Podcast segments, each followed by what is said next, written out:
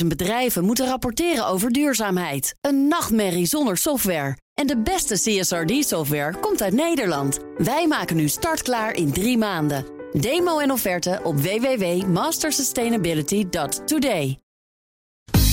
Mobility Update. Ja, de koning van de mobility, dat is Nout Broekhoff natuurlijk. Goedemorgen, Nout. Absoluut, dankjewel. En het CBR kampt met grote achterstanden. En ik hoorde Alexander Pechtold alweer zeggen... dat gaan we wegwerken, maar even de optelsom gemaakt. Anderhalf miljoen rijexamens normaal. Ja, en- 600.000 in de vertraging. Juist. 2,1 miljoen. Ja, dat is eh, een flinke achterstand. Ja. Dat heet in het Frans een mer à boire. Een Ja. zee om leeg te drinken. Dat is niet voor niks zo. De wachttijd voor een examen loopt op tot 20 weken. Dat is echt een record in Nederland. Ja. Ehm, dus inderdaad, er zijn maatregelen nodig. Allereerst moet natuurlijk het slagenspercentage omhoog met 10%, zegt het eh, CBR. Dan kun je bijvoorbeeld minder streng zijn, maar dat wil je natuurlijk eigenlijk ook weer niet. Dus ik denk dat ze andere maatregelen moeten gaan nemen. Bijvoorbeeld het tijdelijk verhogen van de examenleeftijd. Je mag eh, nu examen doen als je 17 bent. Dat wordt waarschijnlijk dan 18. Ja. En ze stoppen met het faalangstexamen en de tussentijdse toetsen. En op die manier willen ze dus uiteindelijk die achterstanden gaan wegwerken. Ze hebben nog niet een definitieve beslissing hierover genomen. Dat doen ze eind mei. Dus ze hopen eigenlijk tot eind mei toch nog wat weg te werken de komende tijd.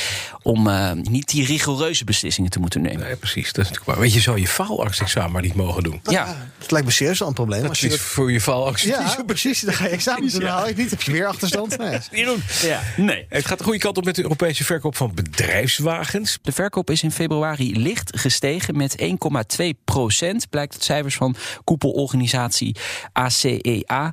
Eh, De vraag nam vooral toe in Centraal-Europa en af in West-Europese landen. Maar Nederland, daar steeg het aantal bedrijfswagens wel weer met 10 procent. Ja, de verkoop van bedrijfswagens, dat is een goede graadmeter. Hè? Eh, De stand van de economie kun je daar een beetje uit aflezen. Het laat echt zien ehm, of ondernemers weer willen investeren in hun wagenpark. Dat is gewoon een belangrijke factor. En ja, daarom is het ook goed om deze eh, cijfers een beetje in de gaten te houden. Dus een lichte stijging in Europa. Ja, dat klinkt mooi. Dan de provincie Utrecht vreest een zwart scenario voor het openbaar vervoer. Want Ja, er moet eh, snel extra geld beschikbaar komen. Anders wordt een aantal bus- en tramritten fors teruggeschroefd, eh, schrijft RTV Utrecht. Oh. De gedeputeerde spreekt van een rampscenario. Het OV is keihard nodig voor de mobiliteitstransitie. Maar goed, door corona, het aantal reizigers daalde met 70% in de provincie Utrecht. Een groot deel van het verlies wordt nu gedekt door het Rijk. Maar niet alles, eh, zo'n 95%. Ja, en het tekort in de provincie kan daardoor oplopen naar 100 miljoen euro. Dus ja, de roep is eigenlijk om extra overheidssteun. Dat heet dan de beschikbaarheidsvergoeding. En je moet een, een aantal treinen en eh, bussen en trams moet je laten rijden. Omdat je ja, nou eenmaal die mensen van A naar B eh, moet brengen die wel in dit OV stappen. Nou, die beschikbaarheidsvergoeding die willen ze verlengen. Ook na het derde kwartaal. Maar daar is officieel nog geen beslissing over genomen in Den Haag. Oké, dan voorkomt de NS volle treinen met een speciale app. Dan denk ik, daar zijn ze anderhalf jaar te laat mee. Ja, precies. Er zit namelijk niemand meer in de trein, volgens mij. Ja.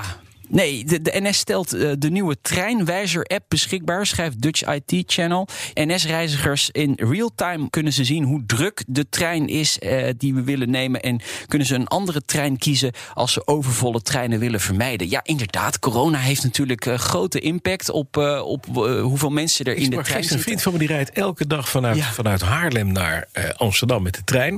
En die zegt zo lekker, ik heb elke dag mijn eigen coupé Heerlijk. in de spits en ik lees een boekje. Je zou bijna fan van de trein worden, Nee, maar echt serieus. Die zegt, het is helemaal leeg. En dan een speciale app om volle treinen te voorkomen. Ja, misschien is het eh, juist nu wel heel goed om het te testen. Oké. kunnen ze straks, als het echt weer heel erg druk wordt, kunnen ze het gewoon eh, goed je, uitrollen. moet het, eh, je moet het dak repareren als de zon schijnt. Ja, Zoiets zo is het eigenlijk. Ja, ja het, het heeft nu wat minder waarde, denk ik. Ja. Hoewel, ik hoor ook wel ook toch mensen vertellen dat in de spits af en toe toch vrij druk is in de trein. hoor. Dat, dat mensen daar ook, zich ook wel zorgen over maken. Mhm. Maar vrij druk is een relatief begrip. Ja. Vergeleken met anderhalf jaar geleden. Nee, dat absoluut. Toen stonden als haringen in een ton natuurlijk. Precies. En dan is deze app natuurlijk wel echt, denk ik, wel een meerwaarde. Als mensen hem gaan gebruiken natuurlijk. Precies.